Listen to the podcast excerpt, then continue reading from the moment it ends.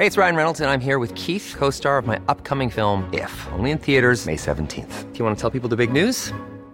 All right, I'll do. Sign up now and you'll get unlimited for $15 a month in six months of Paramount Plus Essential Plan on us. Mintmobile.com slash switch.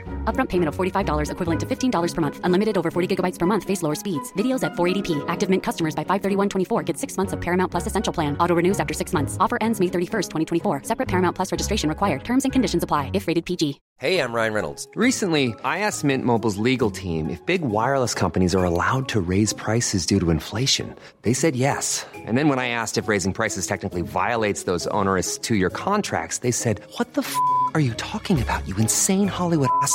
F- So to recap, we're cutting the price of Mint Unlimited from $30 a month to just $15 a month. Give it a try at mintmobile.com slash switch. $45 upfront for three months plus taxes and fees. Promo for new customers for limited time. Unlimited more than 40 gigabytes per month. Slows. Full terms at mintmobile.com.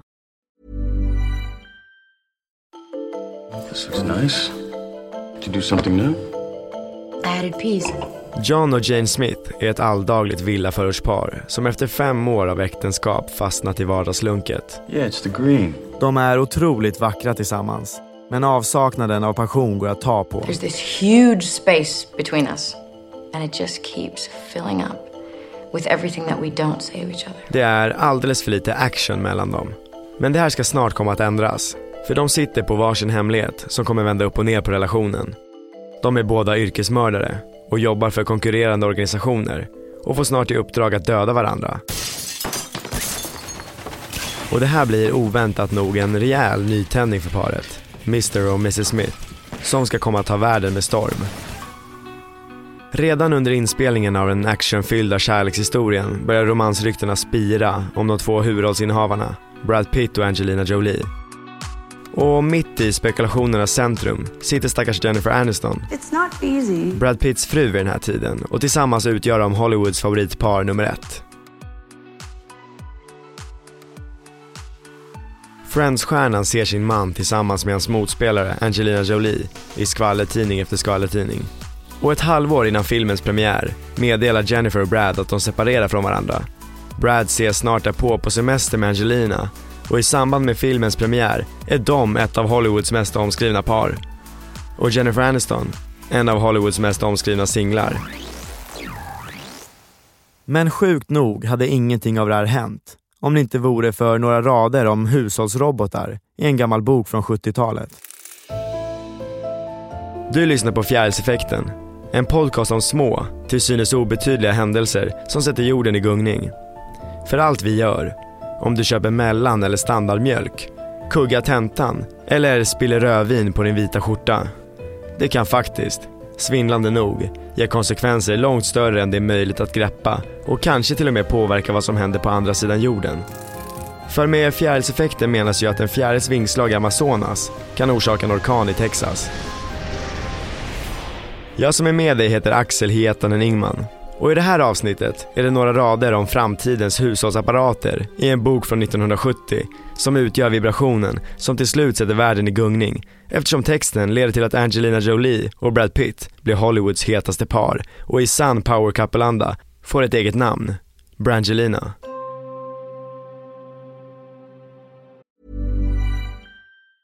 Hey, it's Ryan Reynolds, and I'm here with Keith, co star of my upcoming film, If, only in theaters, May 17th. Do you want to tell people the big news? All right, I'll do it. Sign up now and you'll get unlimited for $15 a month in six months of Paramount Plus Essential Plan on us. Mintmobile.com slash switch. Upfront payment of $45 equivalent to $15 per month. Unlimited over 40 gigabytes per month. Face lower speeds. Videos at 480p. Active Mint customers by 531.24 get six months of Paramount Plus Essential Plan. Auto renews after six months. Offer ends May 31st, 2024. Separate Paramount Plus registration required. Terms and conditions apply if rated PG. I'm Sandra, and I'm just the professional your small business was looking for. But you didn't hire me because you didn't use LinkedIn jobs. LinkedIn has professionals you can't find anywhere else, including those who aren't actively looking for a new job but might be open to the perfect role, like me. In a given month, over 70% of LinkedIn users don't visit other leading job sites. So if you're not looking on LinkedIn, you'll miss out on great candidates like Sandra. Start hiring professionals like a professional. Post your free job on linkedin.com/people today. Det verkar som att vi människor inte har monopol på intelligens och kreativitet. skriver den amerikanska författaren och framtidsforskaren Alvin Toffler redan år 1970 i sin bok Future Shock. Boken är en 576 sidor lång redogörelse för samhällets snabba övergång mot teknologi och vad vi idag betraktar som artificiell intelligens och hur det kommer leda till en ökad känsla av stress och desorientering hos människor. De här idéerna satte han alltså på papper för mer än 50 år sedan. Men visst känns temat högst aktuellt även idag. För hur många är vi inte som stirrar ögonen torra på våra skärmar, scrollar neråt, neråt och neråt utan någon botten och mår skit över teknologiska påfund som Instagram och TikTok. I boken presenteras konkreta idéer om vad han tror att framtiden bär i sitt sköte. Personliga datorer med digitala chattrum, avancerad genteknik och kloning, en uppluckring av kärnfamiljen med andra alternativ än mamma, pappa, barn och ett gränslöst konsumtionssamhälle. Där det stora problemet inte är att det råder brist på konsumtionsalternativ. Tvärtom, vi kommer uppleva ett paralyserande överflöd. Så man får ändå ge Alvin att han hade ett nästan obehagligt skarpt öga för framtidsanalys. Och han får sitt erkännande, för boken blir en bästsäljare världen över med fler än 6 miljoner sålda ex. Och det är en av alla de miljontals läsare av Alvins framtidsprognos som ska ta över stafettpinnen i den här berättelsen. Han heter Ira Levin och är redan en etablerad författare när han kommer över den populära framtidsprofetian som alla pratar om. Som college-student börjar han skriva manus för amerikansk TV och som 24-åring får han sin första novell utgiven, A Kiss Before Dying, som handlar om en ambitiös men kallblodig ung man som mördar sin rika flickvän, kommer undan med det och går in i en relation med hennes syster. Den hyllas av kritiker, vinner pris som bästa debutnovell och blir filmatiserad, två gånger om. Efter succén återgår Ira till att skriva pjäser och musikaler som går varma på Broadways scen. Och det ska ta mer än tio år efter den hyllade succédebuten innan han tar upp sin egen författarkarriär igen på riktigt. Och det är nu Ira Levin slår igenom på bred front med romanen Rosemary's Baby som publiceras 1967. Tre år innan Future Shock ska fascinera, skrämma och chockera miljontals människor. Den handlar ju om eh, Rosemary. Det här är Yvonne Leffler, professor i litteraturvetenskap som kan allt om skräckromaner och skräckfilmer. Som tillsammans med maken flyttar in i en eh, lägenhet på Manhattan och har lite märkliga och ganska påträngande grannar. Hon har velat ha barn men inte maken men helt plötsligt så ändrar han uppfattning. Hon blir gravid och det är ingen normal graviditet och hon tycker allt det händer så konstiga saker omkring henne. Människor känner, begår självmord, försvinner och eh, inte minst hennes förlossning är ytterligt traumatisk. Idén till Rosemary's Baby får Ira när hans fru är gravid. Samtidigt som han skriver ner anteckningar om hennes graviditet och hur den utvecklas börjar han skriva romanen om Rosemary, som också hon är gravid, men inte med en mänsklig bebis, utan djävulens. Boken blir hyllad som ett modernt mästerverk och en av vår tids bästa skräckromaner. Och bara ett år senare blir en film med Roman Polanski som regissör. Och filmen gör historien om satanistdrabbade Rosemary än mer odödlig. Den blir en enorm succé och vinner både Oscar och Golden Globe och ännu mer därtill. Och den är ju en, jag tycker en strålande skräckfilm. Den öppnar upp den här, ska vi säga, underkategorin om eh, djävulsbesatthet, exorcism å ena sidan och sen en kamerateknik som verkligen gör att vi som åskådare inte riktigt vet, i alla fall inte till en början, om eh, vi är fastlåsta i jagets, eh, ska vi säga, osäkra perspektiv. Alltså eh, perspektiv som är otillförlitligt eller om det jaget upplever verkligen händer. Men framgången kommer med ett pris. Berättelsens starka koppling till djävulen och satanism har fått många att hävda att det ligger en förbannelse över verket. För tiden efter att filmen ser dagens ljus kommer präglas av idel död och olycka för osannolikt många av dem som haft någonting med Rosemary's Baby att göra.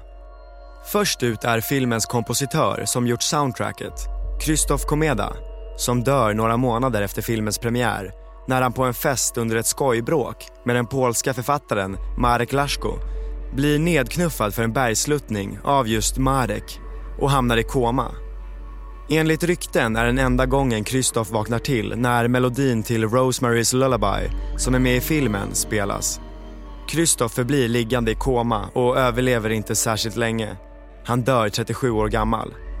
Innan hans hjärta slutar slå säger den oturlige förövaren Marek att om Kristoff inte överlever koman så kommer jag följa efter honom. Och det blir som han sagt. Två månader senare dör han i en överdos. Och ett år senare får filmens producent, William Castle, besvär med njursten och läggs in på sjukhus där han förlorar medvetandet och hallucinerar scener ur Rosemary's Baby.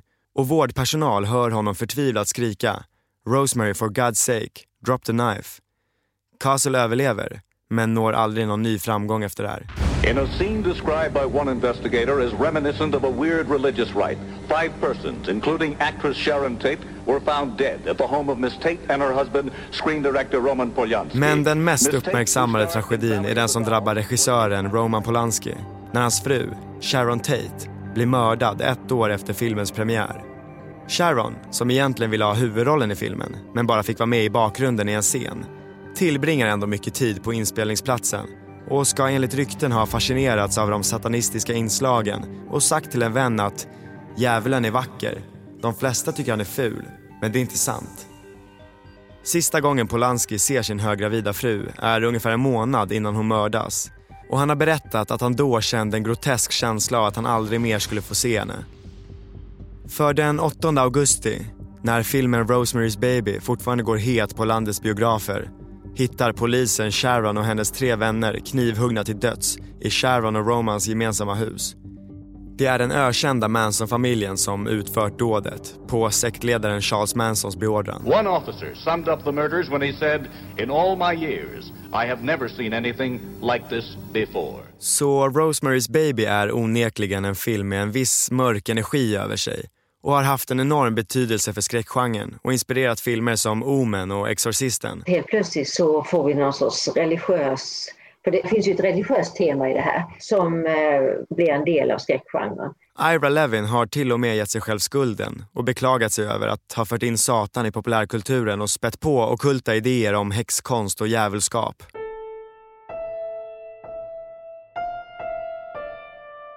Men hur gick det för Ira själv då? Överlever han filmens förbannelse? Ja, någorlunda i alla fall. Han slipper död och sjukdom, men får sitt äktenskap krossat i samma veva som filmen kommer ut. Och det är fyra år senare, i de bittra sviterna av den tuffa skilsmässan och i samband med att han läser den tidigare nämnda framtidsanalytiska boken Future Shock som han får idén till nästa bok. För det är ett stycke i boken som man inte kan släppa. Det som handlar om hushållsrobotar.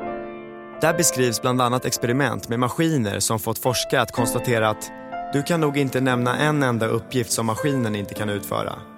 Om en människa kan göra det så kan maskinen också det. Och att de här maskinerna gör allt förutom att blöda.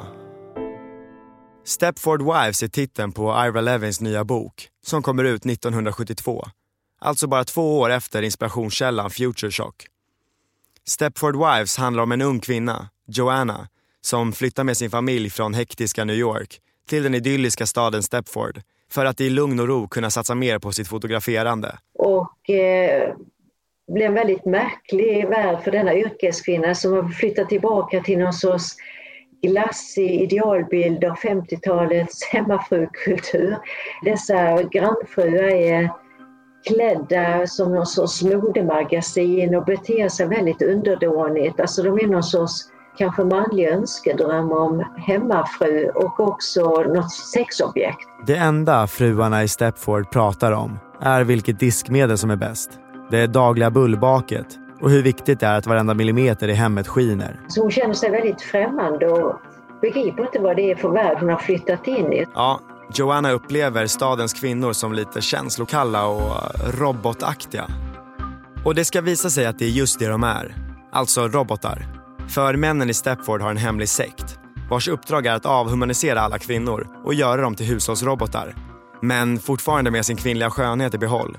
För männen vill ju fortfarande ha sex med dem, såklart. Så det handlar ju väldigt mycket om utsatthet i ett patriarkalt samhälle. Ett extremt patriarkalt samhälle. Tre år senare filmatiseras även Stepford Wives och blir lite av en feministisk kultfilm.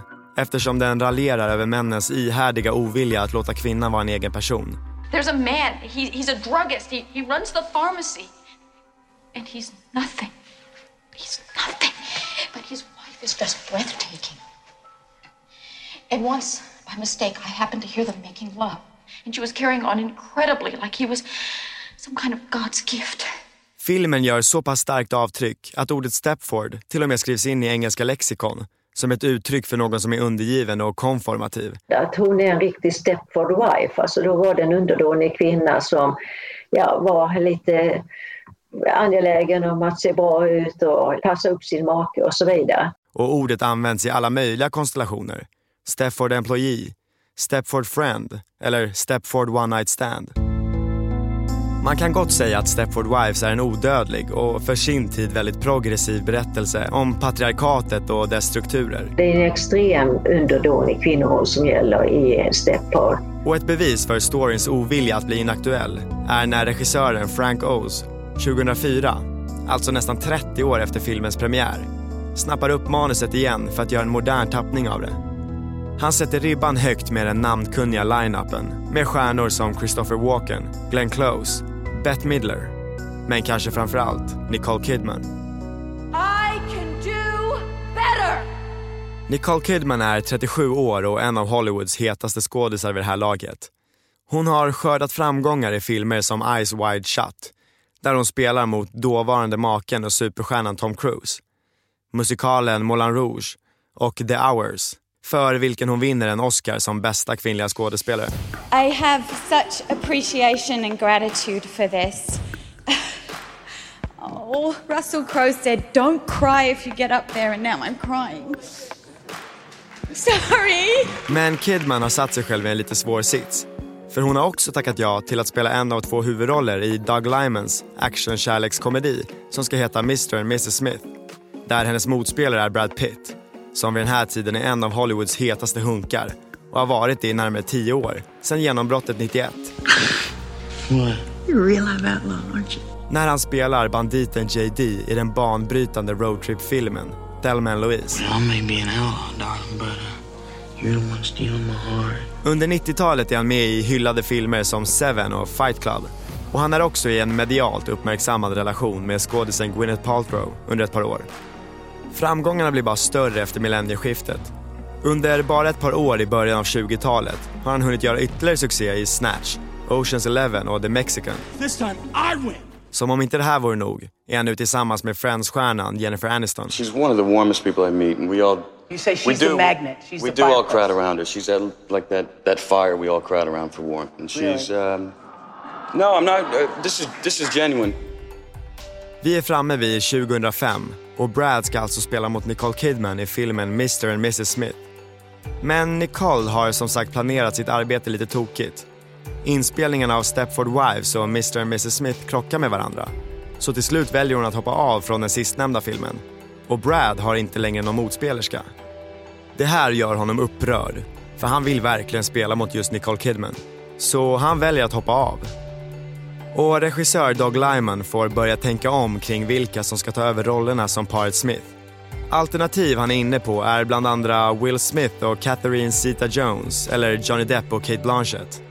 Men ingen av kombinationerna känns helt rätt, så han vänder istället blicken mot Angelina Jolie. Kanske hon kan få Brad att komma tillbaka. Return the iron to the stone's embrace. The wheel of heaven will turn. Angelina har vid den här tidpunkten slagit igenom på bredare front i Hollywood. Som actionhjälten Lara Croft i Tomb Raider-filmerna. So, pretty much touch anything and you get your head chopped off. Två år tidigare har hon skilt sig från skådespelaren Billy Bob Thornton. Angelina och Billy Bobs passionerade, intensiva förhållande är ett hett ämne i skvallerpressen. Som bland annat gottar sig i nyheten att paret i kärleksgåva har utbytt små behållare med varandras blod i. Som de bär i en kedja kring halsen. Men så plötsligt över en natt, 2003, uppger Angelina att kemin dött mellan dem och skilsmässan tas ut bara tre månader efter att de gått ut i media med att de ska adoptera ett barn från Kambodja. Kort därpå tackar hon ja till att hoppa in för Nicole Kidman som Mrs Smith. Och det lockar faktiskt tillbaka Brad Pitt, som tidigare lämnat skeppet. För när filmteamet sätter igång inspelningen är det just Angelina Jolie och Brad Pitt som spelar mot varandra.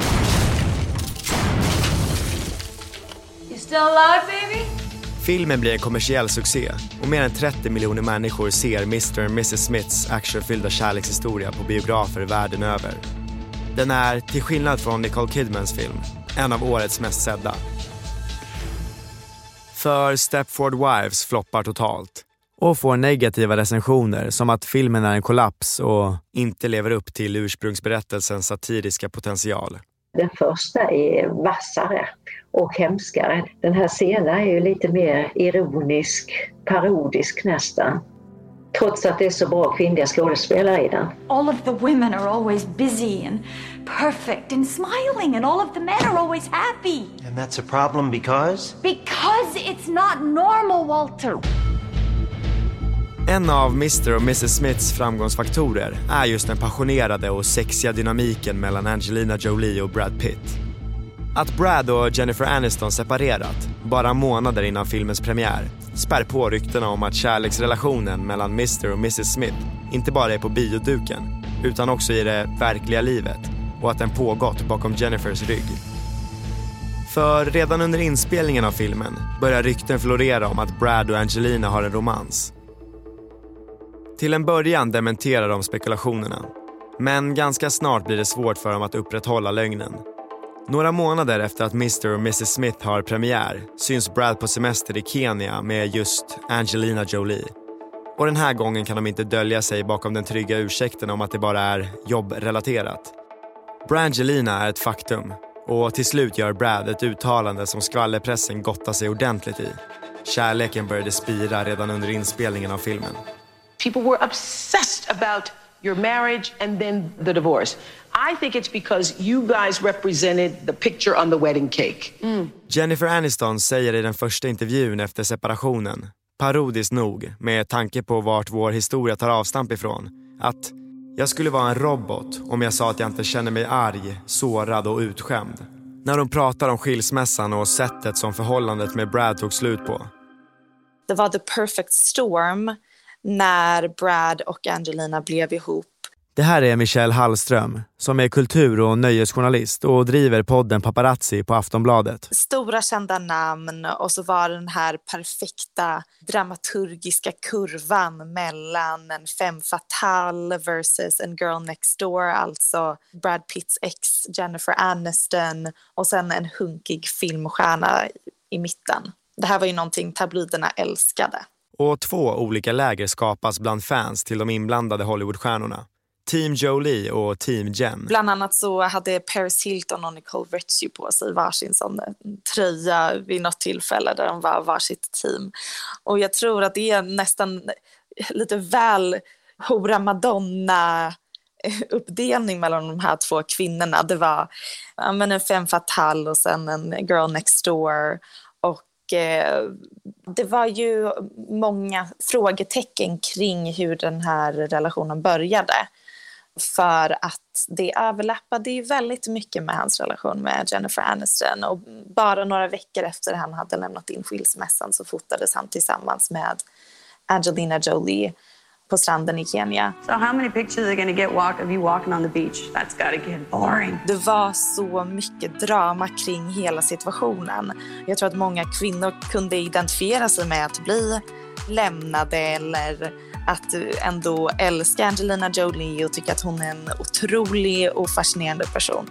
Så därav så tror jag att den här uppdelningen skedde. Det nya paret får namnet Brangelina, en sammansättning av deras förnamn. Det här är en trend som börjar år 2002 med Ben Affleck och Jennifer Lopez som får namnet Bennifer och är interneterans första supercouple. Därefter kommer Tom Cruise och Katie Holmes som går under namnet Tomcat men det är 2006 som supercouple-hypen når sin peak med just Brangelina. Mycket tack vare den spektakulära bakgrunden till förhållandet. De blev ju en snackis på grund utav skandalerna kring dem. Hur deras fiktiva kärleksrelation blir verklighet. Bakom ryggen på hela USAs bästa vän, Jennifer Aniston. I do! I gotta go. Paparazzis är besatta av paret och det är som att varenda steg de tar har ett nyhetsvärde. Och den här absurda hysterin når sin spets 2006. Vid det här laget har paret redan två adopterade barn och nu ska deras första biologiska barn Shiloh födas. Förväntningarna på bebisens utseende är skyhöga när paret, som är ansedda att vara två av världens vackraste människor, ska slå samman sin genetik. Shiloh blir den första bebisvaxdockan någonsin att ställas ut på Madame Tussauds när Vaxmuseet återskapar henne två månader gammal. Och året därpå, 2007, rankar Forbes Shiloh som världens mest inflytelserika bebis. Rättigheterna till de första bilderna på henne säljs för närmare 10 miljoner dollar, nästan 100 miljoner svenska kronor. Det är den dyraste kändisbilden någonsin, i två år. För sen tas platsen över av parets tvillingar vars bildrättigheter säljs för 14 miljoner dollar. Ett rekord som står sig än idag. 2014 gifte sig Brangelina på parets eget slott, Chateau Miraval i Paris. Vigseln är intim och privat, med endast familjemedlemmar bjudna. Angelina hade på sig en klänning som var dekorerad med teckningar som hennes barn hade ritat. Och barnen får också formulera vigsellöftena. Och enligt Angelina är ett av dem att om ni någonsin bråkar med varandra så måste ni lova att alltid säga förlåt. Tillställningen beskrivs som en underbar och lycklig dag med mycket skratt och mening för familjen som kommer minnas den för alltid. Och sen så skilde de sig två år efter. Ja, bara två år efter sagobröllopet tycks barnens gulliga löften vara som bortglömda. För nu tar historien om Brangelina slut när Angelina Jolie ansöker om skilsmässa efter en stökig period i relationen. Där det där om att alltid säga förlåt efter bråk kan ha ruckats på. I närmare tio år skapade världens mest sensationella par hysteri och gav begreppet supercouple en ny innebörd. Brangelina var inte bara ett kändispar i mängden, utan ett alldeles eget fenomen som höll paparazzis upptagna under ett årtionde med sin blotta existens och avkomma som omdefinierade vad det innebär att vara ett kändisbarn. Eller bebis, rättare sagt. Och tänk er att om det inte hade varit för ett kapitel om hushållsrobotar i boken Future Shock så skulle Nicole Kidman ha spelat Mrs Smith och Brangelina aldrig existerat. It's not the world, it's not us. Så när ni ser er lilla robotdammsugare suga i sig chipsmulorna från helgens festligheter kanske den inte ser mycket ut för världen. Men den lilla rackaren kan sätta igång idéer, hos författare till exempel, som leder till böcker, som leder till filmer, som leder till världens mest uppmärksammade kärleksrelation och bilder på spädbarn som säljs för en summa motsvarande hisnande 39 428 stycken robotdammsugare. Nästa vecka berättar jag om hur ett par glasögon, som helt enkelt ansågs vara för töntiga, ledde till ett av världens mest mytomspunna mord. Prenumerera på Fjärilseffekten så dyker avsnittet upp i ditt flöde och ge gärna ett betyg i din poddapp. Det här avsnittet har producerats av Klara Wallin och spelats in på Beppo. Och jag heter Axel Hietanen Ingman.